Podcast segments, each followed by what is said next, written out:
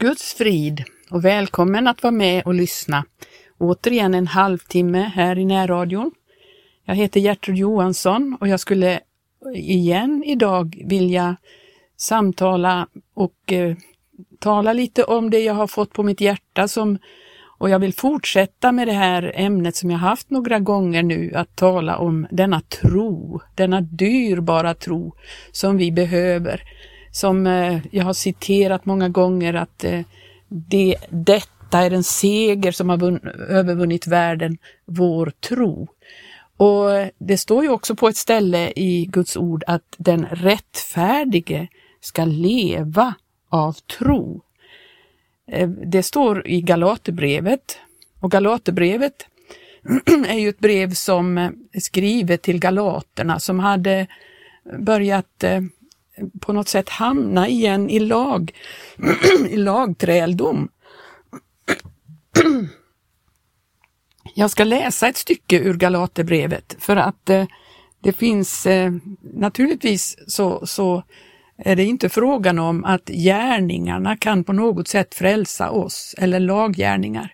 Utan även om jag har talat om att eh, tron måste ha med sig gärningar, annars är det ju ingen sann och levande tro. Så därför så ska jag läsa ett stycke ur Galaterbrevet som eh, talar om det här. Galaterbrevet 2 och eh, 19 versen kan vi börja. Där står det så här. Ty jag för min del har genom lagen dött bort ifrån lagen för att jag ska leva för Gud. Jag är korsfäst med Kristus och nu lever icke mer jag utan Kristus lever i mig. Och det liv som jag nu lever i köttet, det lever jag i tron på Guds son som har älskat mig och utgivit sig själv för mig. Jag förkastar icke Guds nåd. Om rättfärdighet kunde vinnas genom lagen, då hade ju Kristus icke behövt lida döden. Och så fortsätter vi kapitel 3. Ni oförståndiga galater, vem har så dårat eder? Ni som dock har fått Jesus Kristus målad för era ögon såsom korsfäst. Allenast det vill jag att ni ska svara mig på. Kom det sig av laggärningar att ni undfick anden? Eller kom det sig därav att ni lyssnade i tro? Är ni så oförståndiga, ni som har begynt i anden? Vill ni nu sluta i köttet? har ni då upplevt så mycket förgäves, om det nu verkligen har varit förgäves? Alltså att han som förlänade er anden och utförde kraftgärningar bland er gjorde detta. Kom det sig av laggärningar eller därav att ni lyssnade i tro? I enlighet med det ordet Abraham trodde Gud och det räknades honom till rättfärdighet. Vi har ju talat här om Abrahams tro och vad det innebar, hur han bröt upp och hur han blev en fader till många folk. Han blev trons fader. Så att han blev inte bara eh, en eh, lekamlig fader till eh, det judafolket, utan han blev också en fader till många folk, det, det vill säga alla de troende under alla tider. Vi fortsätter där i vers 7, kapitel 3 Galaterbrevet. Så må ni nu veta att de som låter det bero på tro, de är Abrahams barn. Och eftersom skriften förutsåg att det var av tro som hedningarna skulle bli rättfärdiggjorda av Gud, så gav den i förväg åt Abraham detta glada budskap. I dig ska alla folk varda välsignade. Alltså blir de som låter det bero på tro välsignade tillika med Abraham, honom som trodde. Ty alla de som låter det bero på laggärningar, de är under förbannelse. Det är nämligen skrivet förbannad vare var och en som icke förbliver vid allt som är skrivet i lagens bok och icke gör därefter. Och att ingen i kraft av lag bliver rättfärdig inför Gud, det är uppenbart eftersom det heter den rättfärdige ska leva av tro. Men i lagen beror det inte på tro, tvärtom heter det den som gör efter dessa stadgar ska leva genom den. Kristus friköpte oss från lagens förbannelse när han blev en förbannelse för vår skull. Det är ju skrivet förbannad är var och en som är upphängd på trä. Vi friköptes för att den välsignelse som hade givits åt Abraham skulle i Jesus Kristus komma också hedningarna till del, så att vi genom tron skulle undfå den utlovade anden. Så kan vi fortsätta i vers 23. Men förrän tron kom var vi inneslutna under lagen och hölls i förvar under den, i förbidan på den tro som en gång skulle uppenbaras. Så har lagen blivit vår uppfostrare till Kristus för att vi ska bli rättfärdiggjorda, rättfärdiga av tro. Men sedan tron har kommit står vi inte mer under uppfostrare. Alla är ni Guds barn genom tron i Kristus Jesus. Ty ni alla som har blivit döpta till Kristus har iklätt er Kristus. Här är icke jude eller grek. Här är icke träl eller fri. Här är icke man och kvinna. Alla är ni ett i Kristus Jesus. Hör ni nu Kristus till så är ni därmed och Abrahams säd, arvingar enligt löftet. Tänk att vi får höra till dem som är Abrahams säd och vi är arvingar enligt löftet. Vi har fått till arvedel den härlighet, den fantastiska härlighet som är beredd för den som har tagit emot Jesus Kristus. Tänk att vi är födda på nytt genom, genom tron på Jesus Kristus, på vad han utförde för oss. Naturligtvis eh, är det frågan om att denna tro ska vara verklig och sann så att vi eh, av tro utför gärningar som beror på att vi tror. Annars är det ju ingen sann tro. Och att vi vill vara Herren till behag, att vi söker vara honom till behag, att vi är angelägna om att ta reda på vad vill Jesus och hur vill han att vi ska leva? Vad vill han att vi ska ta del av och vad vill han att vi ska ta avstånd ifrån? Det finns mycket och vi har ju talat om detta med världen, att det finns så mycket i världen. Det finns en gudstjänst som är ren och obesmittad inför Gud och det är att hålla sig obefläckad av världen. Hur många är det inte av oss alla som har blivit befläckade av världen? Då är det frågan om att vi måste rena oss och det står det om i Petri brev där eh, vi kan läsa det. Det står i Petri första brev eh, det står så här i första kapitlet, första Petri brev, första kapitel och 22 versen. Där står det så här, rena era själar. Men det står ju att vi blir rena i Jesu blod. Ja, det är sant, vi blir renade från våra synder. Men här är det frågan om att rena sig ifrån allt som befläckar, att världen befläckar oss och då står det så här, rena era själar i lydnad för sanningen. Till vad då? Jo, till oskrymtad broderlig kärlek och älska varandra av hjärtat med uthållig kärlek. Ni som är födda på nytt, inte av någon oförgänglig säd, utan av en oförgänglig, genom Guds levande ord som förblir.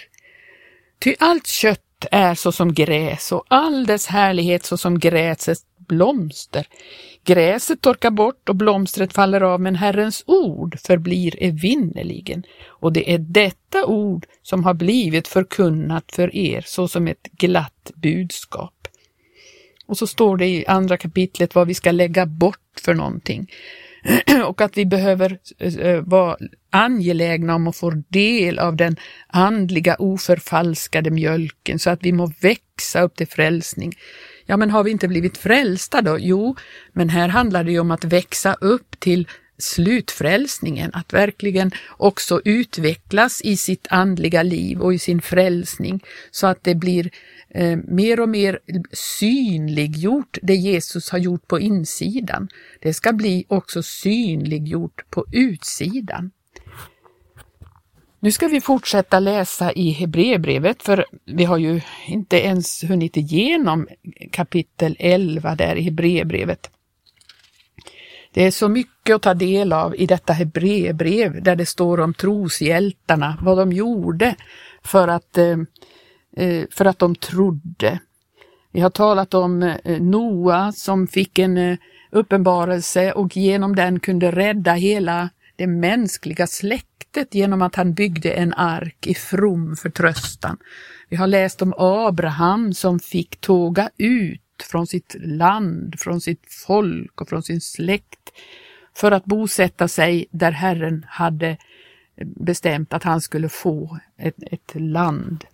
Och han förstod att det handlade om något större, att det handlade om den staden med de fasta grundvalarna, ett evigt rike. Han förstod att det egentligen var det det handlade om, men att han också fick ett land här i tiden som gavs åt honom därför att han stod upp och trodde på Gud när han utlovade detta.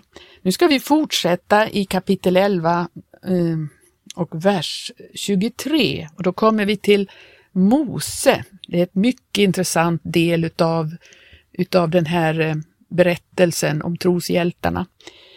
I vers 23 står det, genom tron blev Moses vid sin födelse dold av sina föräldrar och hölls av dem gömd i tre månader eftersom de såg att det var ett vackert barn och de lät inte förskräcka sig av konungens påbud.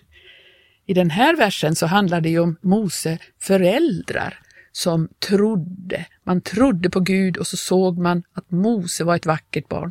Man måste ha sett i Eh, på något sätt för sig att Mose var ett barn som, som behövde skyddas ifrån farao. Naturligtvis var det ju så att alla barn i hans ålder skulle kastas i Nilsfloden.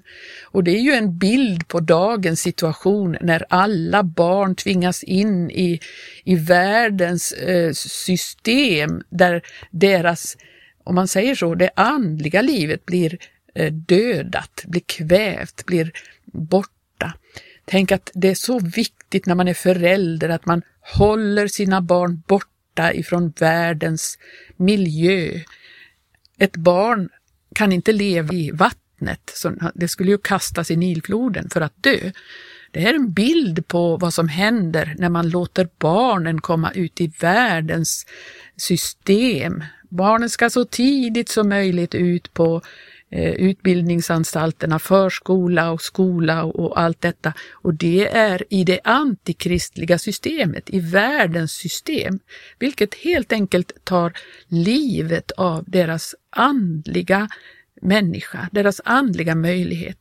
Människor måste skydda barnen ifrån det här, så länge det bara går. Så, så småningom så måste ju föräldrarna låta honom eh, bli komma fram. Det går inte att dölja ett barn hur länge som helst. Men eh, de eh, hade handlat i tro och i och med detta så gav Gud dem en möjlighet att fortsätta, eh, att han fick fortsätta bli vid liv. Och vi känner ju historien om hur Mose blev satt ut i vassen i en korg och, och hur han blev räddad och hur han fick växa då upp. Och det är märkligt för då fick han faktiskt växa upp i faraos palats. Men där var det redan en grund lagd i hans liv och han kunde, eh, eh, hans mor kunde ändå påverka honom genom att hon fick uppgiften att vara amma, att hon fick faktiskt ge honom sin näring. Och i och med det så fick han en kunskap om sitt ursprung och sin, eh, Eh, sin tillhörighet. Och eh, så står det så här i 24 versen. Genom tron försmådde Moses sedan han hade blivit stor att kallas faraos dotterson. Han ville hellre utstå lidande med Guds folk än för en kort tid leva i syndig njutning. Han höll nämligen Kristi smälek för en större rikedom än Egyptens skatter, ty han hade sin blick riktad på lönen. Han ville inte kallas faraos dotterson. Han förstod att han hade en högre eh, kallelse och uppgift och förstod att leva här, njuta av den här situationen, ha, ha del utav all faraos rikedom och allt detta, det är mindre värt. Det är mindre värt. Har du fått en sån syn så du förstår att det du har som, eh, som ett Guds barn är någonting mycket, mycket större än vad all den här världen kan erbjuda. Säkert så fanns det människor i palatset som sa ta vara på det här nu, stanna här, tänk om du får en maktposition. Han kanske till och med hade möjlighet att bli en farao. Och tänk, så sa man väl till honom att ja men då kan du ju påverka eh, situationen för ditt folk. Det finns säkert eh, en möjlighet för dig att styra det så och ta hand om ditt folk. Sen, nej, Mose ville inte detta. Han ville Eh, tillhöra det folk som han var ifrån. Han ville försöka rädda dem. Sen gjorde han ju det på ett klumpigt sätt och var tvungen att fly. Och det står ju så här i 27 versen, genom tron övergav han Egypten utan att låta förskräcka sig av konungens vrede. Eh, vi kan den första flykten ifrån Egypten, det var verkligen frågan om att han var rädd för konungens vrede. Då flydde han. Men eh, sen förgick en lång tid och så kallade ju Gud honom igen tillbaka till Egypten för att eh, eh och då blev det ju frågan om att överge Egypten utan att förskräcka sig av konungens vrede. Vi kan läsa lite om det i, tredje, i andra Moseboken. Eh, han fick ju uppdraget när han en gång gick lite bort bortom, drev sina får lite bortom där han brukade och då, när han fick se den där brinnande busken och blev kallad. Och eh, Gud säger ju här i de här verserna här där det står fråga, hur, hur Israels folk hade det. Man led ju svårt som, som, eh, eh som trälar i Egypten. Eh, han säger det i tredje kapitlets sjunde vers. Jag har nogsamt sett mitt folks betryck i Egypten och jag har hört hur de ropar över sina plågare och jag vet vad de måste lida. Därför har jag stigit ner för att rädda dem ur egyptiernas våld och föra dem från det landet upp till ett gott och rymligt land, ett land som flyter av mjölk och honung, det land där kananéer, hetiter, amoreer, periseer, hiver och jebuseer bor. För den skull, eftersom Israels barns rop har kommit till mig och jag därjämte har sett hur egyptierna förtrycker dem, därför må du nu gå och stad. Jag vill sända dig till farao och du ska föra mitt folk, Israels barn, ut ur Egypten. Han fick detta uppdrag. Gud hade stigit ner, Gud hade sett, Gud hade hört och han visste hur det var. Och så sände han Mose till Egypten. Så att det, det sätt som farao fick se att Gud hade stigit ner, det var att det kommer vandrande en 80-årig herde vandrande in i Egyptens land. Han gick tillbaka till Egyptens land. Tänk hur Gud uppenbarar sig. Han går vägar som ingen människa hade kunnat tänka ut. Han kom inte med härar och makt på det sättet att farao blev förskräckt. Nej, han kom i e- egenskap av en 80-årig herde som han hade sänt till Egypten. I sjunde kapitlets första vers så säger Herren till Mose, Se, jag har satt dig att vara så som en gud för farao och din bror Aron ska vara din profet. Du ska tala allt vad jag bjuder dig. Sen ska din broder Aron tala med farao om att han måste släppa Israels barn ut ur sitt land. Denne herde och denna man som Gud sände, för farao blev han Trots att han var en enkel herde så blev han som en gud. Farao fick verkligen erfara att det var inte vem som helst, det var inte hur som helst att avvisa denne herde som kom och talade till honom. Nej, han var tvungen att lyssna. Han tvingades att lyssna. Till slut så blev det ju en situation där farao med eh, verkligen ville bli av med dem, gå ut och, och, och så vidare. Det vet vi alla dessa plågor som gick över Egyptens land. Och, och det, det, var inte utan vidare att avvisa Mose, det kunde man inte göra för han var så som en gud för farao. Och eh, till slut så, så i tolfte kapitlet så kallade han Mose och Aron till sig om natten, farao, och sa, stå upp och drag ut från mitt folk, ni själva och Israels barn, och gå och stad och håll gudstjänst åt Herren så som ni har begärt. Tag också era får och era fäkreatur så som ni har begärt och gå och stad och välsigna därmed därvid mig. Och egyptierna trängde på folket för att med hast få dem ut ur landet, för de tänkte annars dör vi allesammans. Ja, så att då fick Israel dra ut och var de nästan angelägna om att bli av med dem, för de förstod att om inte vi låter dem gå, då kommer det att gå illa för oss allihopa. De hade ju varit med om alla de här tio plågorna som hade gått över och den sista var den svåraste, när en förstfödd låg död i varje hem. Men eh, för dem som hade blodet på dörrposterna så var det ingen död i det hemmet. Och den tid som Israel hade var, Israels barn hade bott i Egypten var 430 år. Just på den dag då de 430 åren var förlidna drog alla Herrens härskaror ut ur Egyptens land. Detta hade ju Abraham fått en uppenbarelse om redan på den tiden när Gud talade med Abraham, att det skulle vara en tid då de skulle vara trälar i ett annat land. Så att eh, allt vad Gud har talat, det kommer att gå i uppfyllelse och allt vad Gud eh, har bestämt, det sker. Det kan ingen människa hindra. Därför så får du och jag vandra i tro, i tro på det här och liksom Abraham inte förskräckas, eller eh, jag menar eh, Mose, inte förskräckas av konungens påbud. Vi har ju samma kamp att utkämpa när vi ska ut ur världen. Världens rike är inte belåtet med att släppa taget om oss, men vi har en kamp att utkämpa. Vi ska ut ur världen. Vi ska inte eh, tillhöra världen. Vi ska vara ett Jesus säger ju så här, jag har tagit er ut ur världen. Om vi följer Jesus, då tar han oss ut ur världen och vi ska hålla oss obefläckade av denna värld. Och detta är Mose liv ett väldigt eh, eh en väldig bild på hur detta var. Sen finns det ju mycket mer att läsa i Hebreerbrevet 11.